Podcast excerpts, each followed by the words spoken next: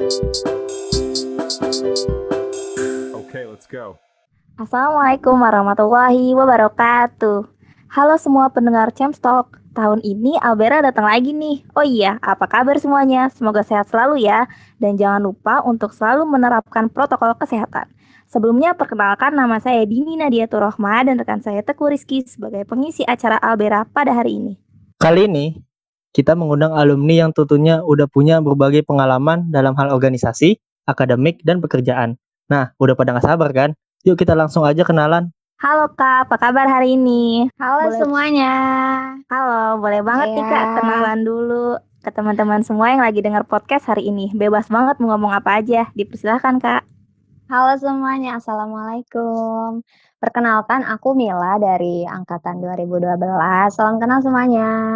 Kalau boleh tahu nih kak, selama pandemi ini kakak punya kesibukan apa aja sih kak? Selama pandemi tentunya berbeda ya sama dengan eh, tahun-tahun sebelumnya. Saat ini masih sibuk kerja sih karena kebetulan eh, kerjanya cuman beda di sistemnya sih karena sekarang menerapkan sistem WFH sama WFO. Jadi satu minggu itu masuk bisa cuman tiga hari aja. Selebihnya kerja di rumah gitu. Kalau kalian ini masih eh, kuliah online? Masih kak? Masih. pun semua serba online ya sekarang. Sekarang pun kami kalau pengembangan kompetensi gitu semuanya by Zoom kayak gitu sih. Wih, berarti nggak jauh beda ya sama-sama online juga. Iya, kerja pun online dan Iya. apa absensi itu harus online. Jadi ketahuan kalau kita itu ada di mana gitu. Karena kebetulan aku sekarang stay di Manado, jadi nggak bisa tuh memanfaatkan waktu WFH untuk pulang ke Jakarta kayak gitu sih. Jadi tetap absennya itu dipantau by lokasi kayak gitu. Langsung aja Kak dimulai sesi pertama yaitu kita akan mengulik perihal akademik, pengalaman organisasi dan pengalaman dan pekerjaan dari Kak Armila. Eh, yang pertama nih Kak, menurut Kakak selama berkuliah di kimia ini apakah Kakak merasa sulit? Kalau boleh tahu mata kuliah apa aja sih yang Kakak paling merasa sulit dan mata kuliah apa aja yang Kakak paling senangi? Oh, langsung flashback ke zaman-zaman kuliah ya sekarang. Iya. Eh, kalau misalkan waktu kuliah itu menurut aku tuh eh, dulu menjabat sebagai aktif di organisasi Himka karena kan udah masuk Himka pasti kan harus ikut organisasinya dong. Waktu itu aku menjabat sebagai Menteri Koordinator Kementerian Internal.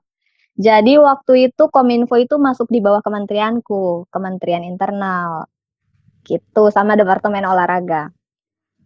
Terus kalau untuk mata kuliah yang paling aku suka, jujur sih sebenarnya aku itu eh basicnya itu sebenarnya nggak suka kimia. Bukan nggak suka gimana ya bilangnya ya. Nggak terlalu suka kerja di lab kayak gitu.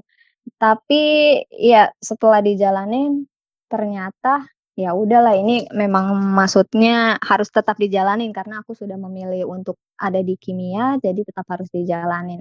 Kalau untuk mata kuliah yang paling aku seneng itu waktu itu kimia pangan sih. Karena apa ya, lebih kayak masuk di logikaku gitu loh dibanding kayak kimia organik. Paling benci sih kimia organik karena struktur-struktur itu harus apa ya, tahu struktur kayak gitu. Aduh, itu pusing sekali. Kayak semuanya juga jadi nggak suka organik ya Kak. Iya, soalnya su iya susah banget kan karena hafalannya kalian kan. Apalagi waktu itu sempat dapat nilai C gitu. Oh iya kak, sih. Eh, kalau misalnya mengatasi mata kuliah yang sulit itu biasanya kakak ada tips nggak sih kak buat teman-teman mahasiswa yang masih menempuh studinya nih kak? Oh iya, pasti ada banget sih. Waktu itu kami tuh kerja keras banget pokoknya angkatan aku itu 2012 karena waktu itu ada teman kos jadi kami tuh sampai belajar bareng, belajar bareng nginep di kosan temen. Cuma untuk belajar kimia organik. Akhirnya waktu itu eh, kimia organikku itu jadi nilai B kayak gitu sih. Pokoknya belajar bareng sama yang lebih paham gitu. Tuh, James bisa diterapin nih untuk mata kuliah-mata kuliah yang sulit di kimia. Iya, pokoknya harus sering-sering apa belajar sama yang lebih paham karena kan kadang kalau misalkan belajar sendiri gitu kayak jadi mau nanya bingung sama siapa kan. Tapi kalau misalkan dari data yang kita punya, Karmia bilang sulit-sulit, tapi Karmila merupakan salah satu mahasiswa kimia UIN Jakarta yang mencapai predikat kumlot ya kak? Wih, keren banget kak. Keren itu sebenarnya eh, biasa aja sih. ya waktu itu sih aku sih mencoba untuk seimbang ya. Jadi eh, antara di organisasi sama di akademis itu aku berusaha untuk seimbang. Jadi karena kenapa sih aku harus seimbang? Karena itu kan memang udah tanggung jawab aku sebagai mahasiswa yang pertama. Dan di situ aku memang mau banyak belajar dari organisasi. Jadi aku harus seimbang gitu loh. Ketika aku memutuskan untuk organisasi, akademisnya pun nggak boleh ditinggal kayak gitu sih. Boleh boleh tahu kak? Boleh sebut IPK-nya berapa nggak kak? IPK aku itu dong. cuman tipis-tipis, tipis-tipis aja, nggak nggak yang kumlot gimana, sumpah. 359 kalau sa nggak salah ya, Wih. 3,59. Itu susah banget kak pasti dapetinnya kak. Keren banget. Iya, pokoknya eh, intinya seimbang aja pokoknya. Kamu harus apa ya, bisa bertanggung jawab atas diri kamu gitu. Karena kan yang tahu diri kamu itu adalah kamu. Jadi memang benar-benar pokoknya aku harus berusaha seimbangin itu antara akademis sama non akademis. Jangan sampai kita terlena sama di non akademis, jadi akademisnya yang paling utama ditinggalin kayak gitu. Begitu juga sebaliknya nggak janganlah cuman akademis aja, tapi organisasi itu penting, apalagi untuk nanti setelah kita lulus gitu. Betul banget nih apa yang Karmila bilang. Kalau misalkan udah akademik, organisatorisnya juga harus berjalan dengan seimbang ya kak. Mhm, seimbang pokoknya harus seimbang. Nggak Nah, boleh berat sebelah. Nah langsung ke pertanyaan selanjutnya. Mhm. Kalau misalkan pengalaman organisasi kakak selain di Himka, kakak pernah punya pengalaman di mana lagi kak? Kalau organisasi di kampus itu aku ada ini sih KPP Tarsius. Jadi itu memang karena aku penasaran sama hewan-hewan ya, itu kebanyakan anak-anak biologi yang ikut. Itu aku cuman anak kimia sendiri. Karena anaknya apa ya, kepo terus pengen tahu gimana sih apa menyelidiki itu. Sambil refreshing juga sih karena kan jalan-jalan gitu kan, eee, mengamati primata gitu. Cuma itu sih, tapi nggak terlalu yang aktif bagaimana karena fokus di Himka. Waktu itu soalnya kebetulan menjabat sebagai menteri koordinator internal, jadi itu salah satu tanggung jawab yang lumayan besar juga sih buat aku, gitu. Selain di yang tadi tempat kakak itu, pernah di LMC juga ya kak? Oh iya, sama Kak Isa. Iya iya, pernah pernah pernah di LMC waktu itu, eee, cuman karena waktu itu LMC baru ya, jadi nggak kebetulan nggak terlalu aktif bagaimana di LMC sih. Tetap masih fokus di apa, Himka. Berarti LMC eh, cukup lama ya kak. Dari kakak berarti angkatan berapa ya kak kalau di LMC-nya? Eee, berapa ya? Aku agak lupa sih sebetulnya. Pokoknya waktu itu yang angkatan Kak Isa itu 2000 berapa ya, 13 kah? Iya kalau kalau tidak Heeh, salah kalau Kai-. Kaisa di angkatan di sekitar angkatan segitu di tahun-tahun Iya. 2013 atau 2014 lupa Nah, juga kita kan soalnya waktu itu kan Kak Isa sama aku beda 2 tahun kan, 2 tahun di atasku. Jadi kemungkinan 2013, 2014 lah. Aku kebetulan anak LMC tahu kak. Oh iya? Bagian Iya, apa sekarang? bagian teknik ya ki. kita K3 Din Oh ketiga, oh tahun lalu. K3. Kalau nggak salah aku dulu K3, cuman lupa aku. Karena nggak terlalu aktif di LMC sih. Ya sekarang lumayan aktif sih kak. Alhamdulillah. Hmm, Oke. Soalnya waktu itu aku tuh juga aktif di sebagai Wardah Beauty Agent. Jadi Wow. waktu itu eh, dari pihak Wardah, kebetulan itu ada seleksinya juga. Jadi memang perwakilan setiap kampus gitu, ada dari UI, terus dari UIN, UHAMKA. Nah, itu jadi kayak apa ya, semacam brand ambasadornya Wardah tapi di kampus gitu. Terus jadi memudahkan eee, apa ya, support untuk Wardah gitu loh. Jadi setiap kalian ada acara disupport sama Wardah kayak gitu. Kebetulan karena aku anak Saman dulu di kimia, jadi aku memanfaatkan itu. Jadi untuk makeup-makeup semua, itu disupport sama Wardah kayak gitu sih. Jadi lucu memang. Wih, keren banget sih. Berarti banyak banget ya kak pengalaman kakak Iya. selama Mhm. Pokoknya kalian itu mumpung masih kuliah nih, saranku tuh perbanyak banget, eee, apa ya, interaksi sama lingkungan luar. Jadi jangan stuck di situ karena itu nanti akan bagus untuk ke depannya. Gitu sih. Iya, betul banget tuh, Cems. Eee, Mhm. berlanjut ke pertanyaan selanjutnya nih, Kak, boleh banget ceritain sedikit perjalanan Kakak sampai akhirnya Kakak bisa bekerja di Bepom? Oh, iya. Jadi tuh penuh perjuangan banget sih memang ini, eee, sampai di titik ini. Waktu awal-awal aku lulus itu karena dulu, eee, Wardah Beauty Agent, jadi sempat ada magang di PT Paragon Technology and Innovation itu Wardah. Setelah magang langsung, eee, ke perusahaan import importir gitu. 1 tahun berjalan, tapi memang kebetulan aku tuh nggak terlalu suka di lab, jadi ambilnya itu marketing, gitu. Karena waktu di Wardah Beauty Agent itu lebih banyak belajar tentang marketing. Jadi aku ambil, eee marketing di perusahaan import dan importir itu. Setahun kebetulan ada pengumuman seleksi CPNS. CPNS itu kan, e gimana ya, pokoknya kayak udah enak gitu kan di bayangan kita kan, maksudnya udah terjamin kayak gitu waktu awal-awal. Akhirnya aku coba aku coba, eee, seleksi CPNS, di situ memang berbagai step sih. Jadi atau kalian ini udah ada yang tahu apa step-stepnya aja jadi CPN jadi PNS? Belum tahu, Kak. Belum Boleh tahu? cerita-cerita dikit Boleh, mungkin, Kak? ah, iya iya, boleh aku ceritain ya dari awal. Boleh dong, Kak. Eee, gini sih, waktu awal itu memang CPNS itu terbagi jadi 3 tahap.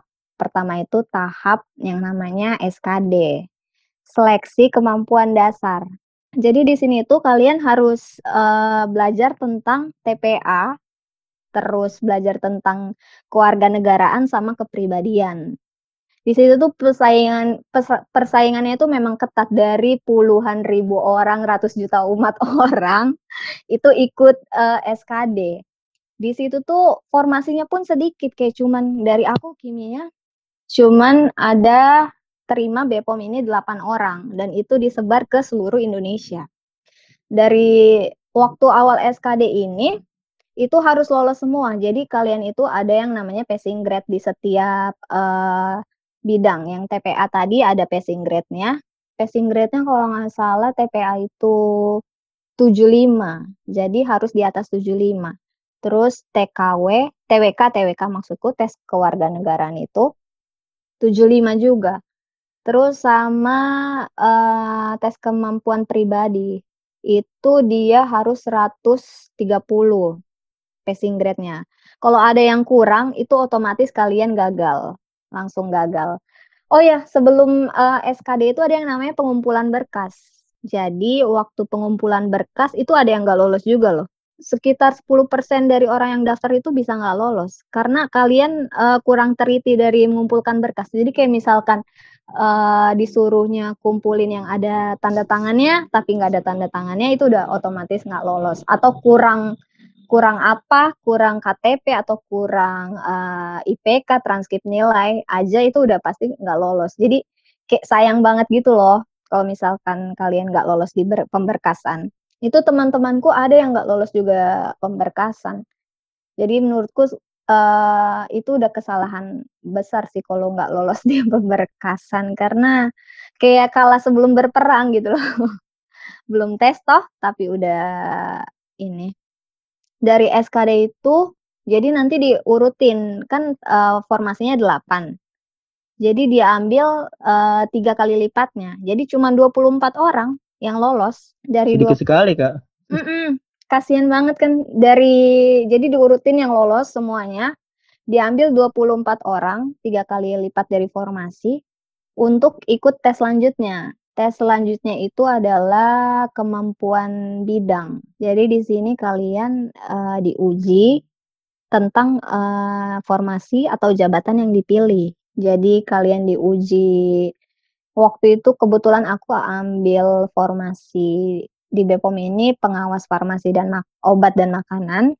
Tesnya itu seputar tentang pengawas farmasi, obat, dan makanan. Awalnya itu aku nggak tahu apa sih itu PFM gitu ya. pengawas farmasi. Ya mau nggak mau harus searching, harus cari di websitenya BPOM, terus JDIHB, peraturan-peraturan segala macamnya itu harus tahu lah. Dan memang ternyata yang keluar itu semua. Semua yang keluar itu dari tentang BPOM, bidang kan. Setelah lolos bidang, itu diurutkan lagi, diambil dua kali lipatnya. Jadi cuma 16 orang yang akan lolos wawancara step selanjutnya itu wawancara. Di situ aku udah panik kan karena sainganku tuh ada tiga orang untuk satu formasi kan artinya. Kebetulan ada wawancara juga, jadi pas wawancara itu memang kayak, uh, ajang kita untuk jual jual diri kita gitu loh. Kayak maksudnya apa sih kelebihan kamu, itu pokoknya semuanya harus diutarakan. Karena mau nilai tinggi, tapi misal pas di wawancaranya nggak bagus, itu bakal langsung jatuhin banget gitu. Karena kan dari 16 orang langsung 8 orang kan yang diambil, gitu sih. Ya udah akhirnya setelah, uh, wawancara, lolos, habis itu TOEFL juga berpengaruh sih, nilai TOEFL. Jadi kalian memang harus belajar baik-baik TOEFL sih, gitu sih. Wah, makasih banget nih Kak, informasinya sangat berguna sekali untuk untuk kita. Eh, tapi Kak, Iya. uh, saya ada sedikit pertanyaan sih, mungkin kalau misalkan kita sampai di tahap seperti itu kan masih lumayan jauh. Uh, ada nggak sih Kak, uh, apa yang perlu dipersiapkan bagi mahasiswa semester 4, semester -hmm. 2, atau semester 6 untuk mempersiapkan CPNS itu Kak, supaya nggak berbelit-belit untuk sampai ujian berkali-kali baru sampai lulus gitu Kak? Iya, intinya adalah benar-benar lolos SKD dulu sih. SKD itu paling penting dan mendapatkan nilai setinggi-tingginya, karena kalian akan di-ranking toh. Kalau misalkan kalian lulus tapi nggak masuk, uh, kuota tiga kali lipat itu, tetap percuma, nggak akan lolos, dianggapnya tidak akan lolos, gitu. Jadi memang kalian harus belajar di SKD itu betul-betul dan terus misalkan sering latihan soal, waktu itu aja aku kan masih kerja, di sela-sela aku kerja itu aku karena udah bertekad banget mau lolos, itu aku sambil latihan-latihan CPNS. Kalian itu mumpung masih muda sekarang harusnya sih kalau saran dari aku, uh, pertama itu kalian harus cari tahu dulu tentang seleksi CPNS itu apa, bagaimana syaratnya, apa yang kalian mau, badan atau kementerian atau instansi mana yang kalian tuju sesuai dengan, uh, passion kalian, itu kalian harus tahu dulu. Terus sering latihan-latihan soal. Itu karena memang semakin kita terlatih, soalnya pun akan mirip-mirip kayak gitu. Gitu sih. Oke, Kak. Makasih banget nih, Kak, atas informasinya. Semoga Iya. kita bisa lolos ya, anak-anak Amin, semoga amin. Iya, semoga anak kimia banyak yang Biar sampai ketemu juga di Bepom. Amin. Amin. Amin. Karena kan saingannya pun dari berbagai alma mater ya. Jadi memang kalian tuh harus percaya diri. Waktu itu pun aku banyak anak-anak UI, IPB, ITB.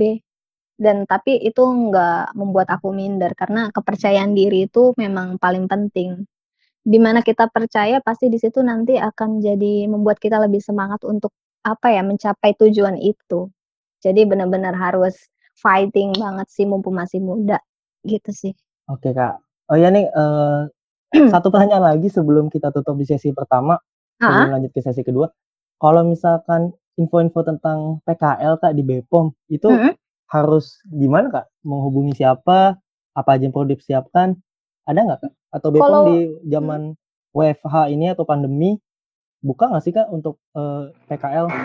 Uh, kalau untuk Bepom sendiri karena kebetulan aku kan sekarang ini ditempatkan di Bepom Manado ya. Kalau untuk kalian di Bepom Pusat itu, ada sih pernah, uh, dari angkatanku itu yang PKL di Bepom, itu bisa langsung ke biro umumnya aja.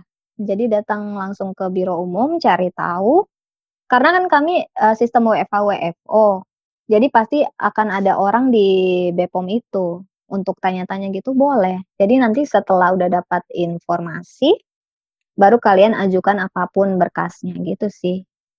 Tapi, uh, setauku menerima.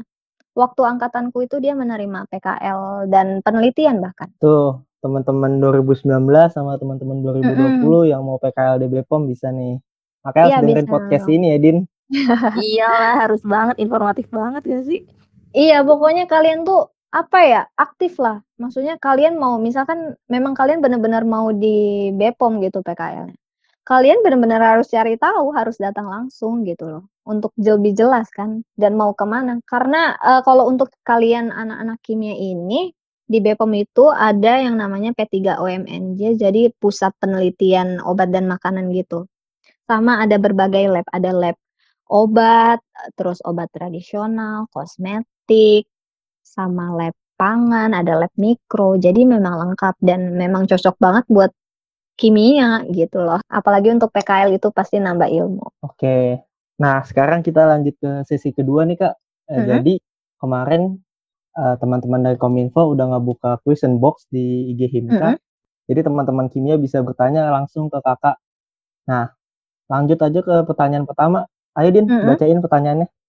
Oke, lanjut ke pertanyaan pertama dari Q&A Instagram Himka.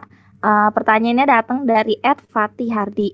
Isinya ada peluang nggak sih Kak bagi fresh graduate untuk kerja di BPOM? Of course, pasti ada dong.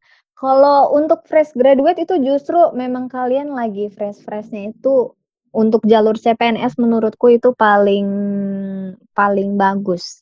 Jadi sebenarnya kalau mau masuk BPOM itu ada dua ya, dua jalur, jalur CPNS sama ada yang namanya jalur, uh, pegawai tidak tetap. Kalau untuk pegawai tita tidak tetap ini dia berdasarkan informasi yang ada di BPOM. Jadi kalian kalau misalkan belum belum ada nih, uh, seleksi CPNS tapi udah lulus dan mau mencoba di BPOM, itu kalian cari tahu aja, uh, apakah menerima BPOM ini menerima pegawai tidak tetap itu boleh langsung biasanya itu di-share di Instagramnya Bepom, terus di Twitternya Bepom. Jadi kalian uh, follow aja Instagramnya Bepom, terus Twitter.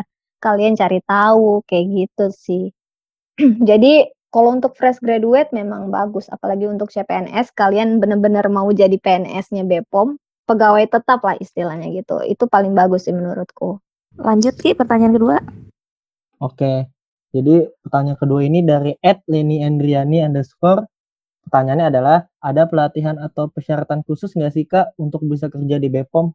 Oh, uh, kalau untuk pelatihan khusus itu nggak ada ya, bener-bener seleksi awal aja sih. Waktu itu seleksi CPNS dari awal, nggak perlu yang sertifikat ISO 9000 9001 atau 17025 sih. Jadi memang kalian nanti setelah udah di BPOM baru akan, uh, mendapatkan kompetensi itu justru, akan tersertifikasi 17025, 9001. Pokoknya nanti setelah kalian udah masuk di BPOM, kalian itu justru yang akan mendapatkan pengembangan kompetensi. Jadi kompetensi kalian akan terus dikembangkan dari pemerintah gitu dan bahkan diwajibkan per tahun itu ada kompetensi yang ditingkatkan, ada targetnya kami, kayak semacam ada rapot gitu loh. Jadi kita udah, uh, ikut kompetensi apa untuk naik jabatan, karena biasanya kalau sesuai dengan angka kredit, itu nanti naik jabatannya lebih cepat, gitu.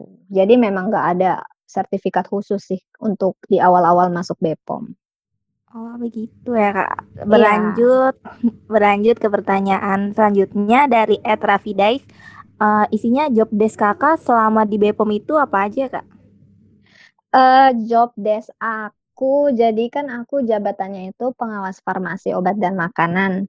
Di PFM itu ada dari berbagai bidang berbagai bidang, ada yang namanya bidang pengujian, bidang pemeriksaan, bidang infokom, sama bidang penindakan.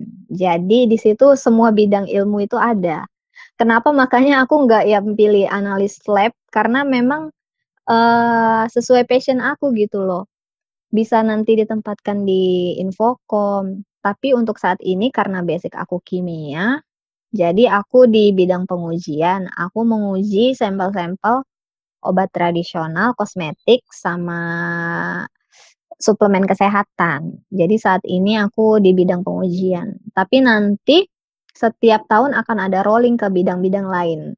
Ada lagi bidang yang paling seru itu bidang penindakan. Jadi kayak semacam intel-intel gitu loh. Oh, gitu, Kak. Mm-mm, jadi PFM ini luas gitu, nggak cuman kalian kimia, terus kerjanya hanya di lab aja gitu, enggak. Jadi bisa di berbagai bidang itu, nanti akan di-rolling. Oke, Kak. Terima kasih nih atas informasinya. Mhm. Lanjut Iya. ke pertanyaan selanjutnya, yaitu dari @ratu_roshidah. Kak, kalau selama kuliah di pertengahan jalan ketemu sama passion dan bertolak belakang sama jurusan gimana ya, Kak? Harus menyerah dari salah satunya atau tetap berjalan di antara keduanya? Silakan jawab, Kak. Eee, ini kayaknya kasusnya sama kayak aku banget sih. Siapa tadi namanya? Ratu Roshidah, Kak. Oh, Ratu Roshidah. Ini kasusnya sama kayak aku, waktu di pertengahan jalan aku mikir, "Ih, aku kayaknya nggak minat banget di laboratorium deh," gitu kan. Tapi di satu sisi, eee, pendidikan terakhirku adalah kimia gitu loh. Dan aku ini pengen jadi PNS, tapi harus kimia gitu. Kalau menurutku jangan menyerah, ikuti tetap passion kamu, tapi sebisa mungkin kamu itu harus bisa, apa ya, dua-duanya kalau menurutku. Jadi karena kan waktu aku minat di bidang marketing, makanya aku pilih, eee, instansi BPOM yang bukan kayak lab banget gitu. Makanya aku pilih PFM jabatannya. Jadi kamu itu harus kayak tahu, apa tahu diri kamu gitu loh, maksudnya tahu apa yang dituju. Jadi tahu gitu. Eee, gimana ya jelasinnya ya, pokoknya jangan menyerah di antara keduanya sih, gitu sih. Oke, Kak. Oh ya, Kak, sebenarnya Mhm. dari tadi kita ngomongin BPOM, BPOM ada berapa cabang sih, Kak, di Indonesia, Kak? Ini Oh, pertanyaan bany random sih sebenarnya. banyak sekali. Itu di seluruh Indonesia sampai di pelosok pun ada, di kepulauan. Eee, BPOM itu ada dari 21 balai besar sama 40 loka. Jadi balai besar itu dari ujung Sabang sampai Merauke ada. Yang paling jauh itu Papua, Jayapura, Sorong, Manado, Sangihe. Kebetulan aku tuh penempatannya itu sebenarnya di Lokapom Kabupaten Kepulauan Sangihe. Ada yang tahu nggak sih Sangihe itu di mana? Nggak tahu tuh, Kak, itu di daerah mana ya? Waktu awal-awal kayak, aduh, kan memang kalau PNS tuh harus disiapkan ditempatkan di seluruh Indonesia kan. Aku Mmm, da gitu. ak aku dapatlah di Sangihe kan. Waktu awal-awal aku tuh nggak tahu Sangihe ini di mana, akhirnya aku lihat peta, ternyata dia itu ujungnya Manado, Sulawesi, tahu pula eee, peta Sulawesi kan, huruf K tahu gitu. tahu tahu Kan tahu, Kak. ujung-ujungnya itu yang K itu kan Manado. Heeh. Nah, ini yang atasnya lagi tuh kayak pulau gitu, itu Sangihe. Tapi kebetulan karena, apa, nggak ada, apa, pengujian lab di sana, belum belum maksimal, jadi kami ditugaskan di balai untuk menguji. Jadi balai induknya itu Manado, balai terdekatnya. Jadi memang, apa ya, jadi PNS ini seru, bisa keliling Indonesia. Jadi kalian tuh bisa tugas pemeriksaan di mana, terus bisa pelatihan di Gorontalo, di Papua, terus ketemu nanti ketemu teman-teman yang di eee, dari balai-balai lain gitu, lokal-lokal lain. Karena kan waktu awal-awal itu kita kayak ada pelatihan dasar, eee, untuk CPNS ya, jadi kayak semi-semi militer gitu, seru deh pokoknya. Itu dari seluruh Indonesia ada.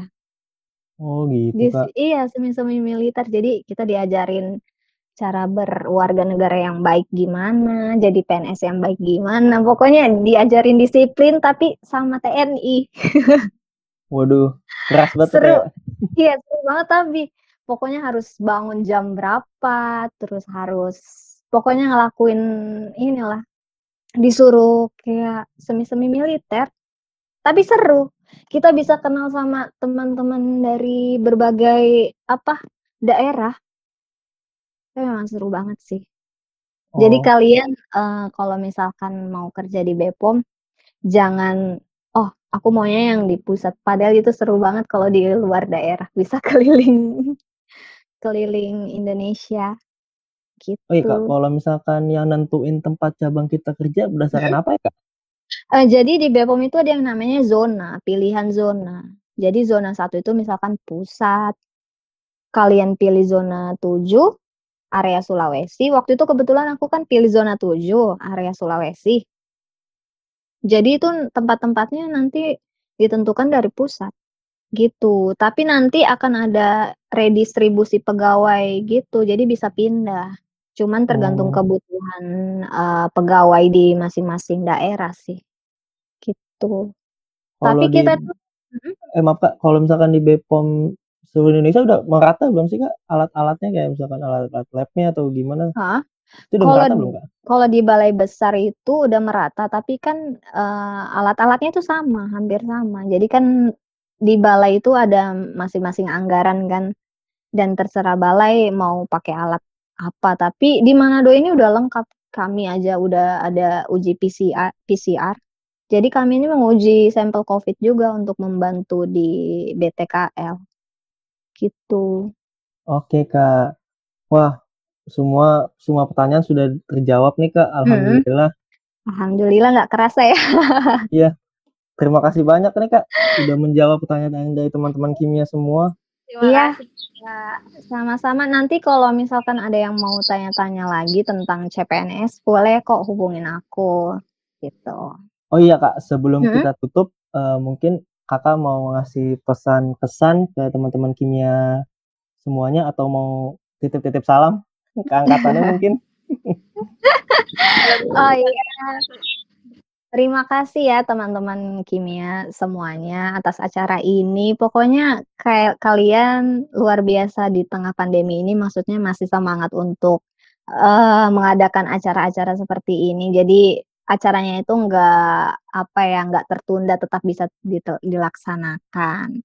Kalau saran dari aku, pesannya itu kenali diri kalian. Jadi, eee, dengan mengenal diri kalian itu, kalian akan mendapatkan kesuksesan yang bisa membuat kalian bahagia, itu aja sih. Jadi kalian enjoy jalaninnya. Tuh, dengerin semuanya, dari Karmila. Jadi pokoknya kalian itu yang lebih tahu diri kalian gitu. Jadi kalian mau apa, terus kalian harus gimana, kalian harus merencanakan itu, gitu loh. Karena kayak Bu Susi pernah bilang, aku ada dengar, orang yang meraih kesuksesan itu tidak selalu orang yang pintar, tapi orang yang selalu meraih kesuksesan adalah yang gigih dan pantang menyerah. Jadi kalian jangan pantang menyerah, eee, dengan apa yang kalian mau tuju gitu loh, tetap fighting. Oke. Gitu, semangat semuanya. Siap Kak. Perjalanan kalian masih panjang sekali. Semoga Oke. dengan ini bisa membuat kalian semangat dan terinspirasi sih. Siap Kak.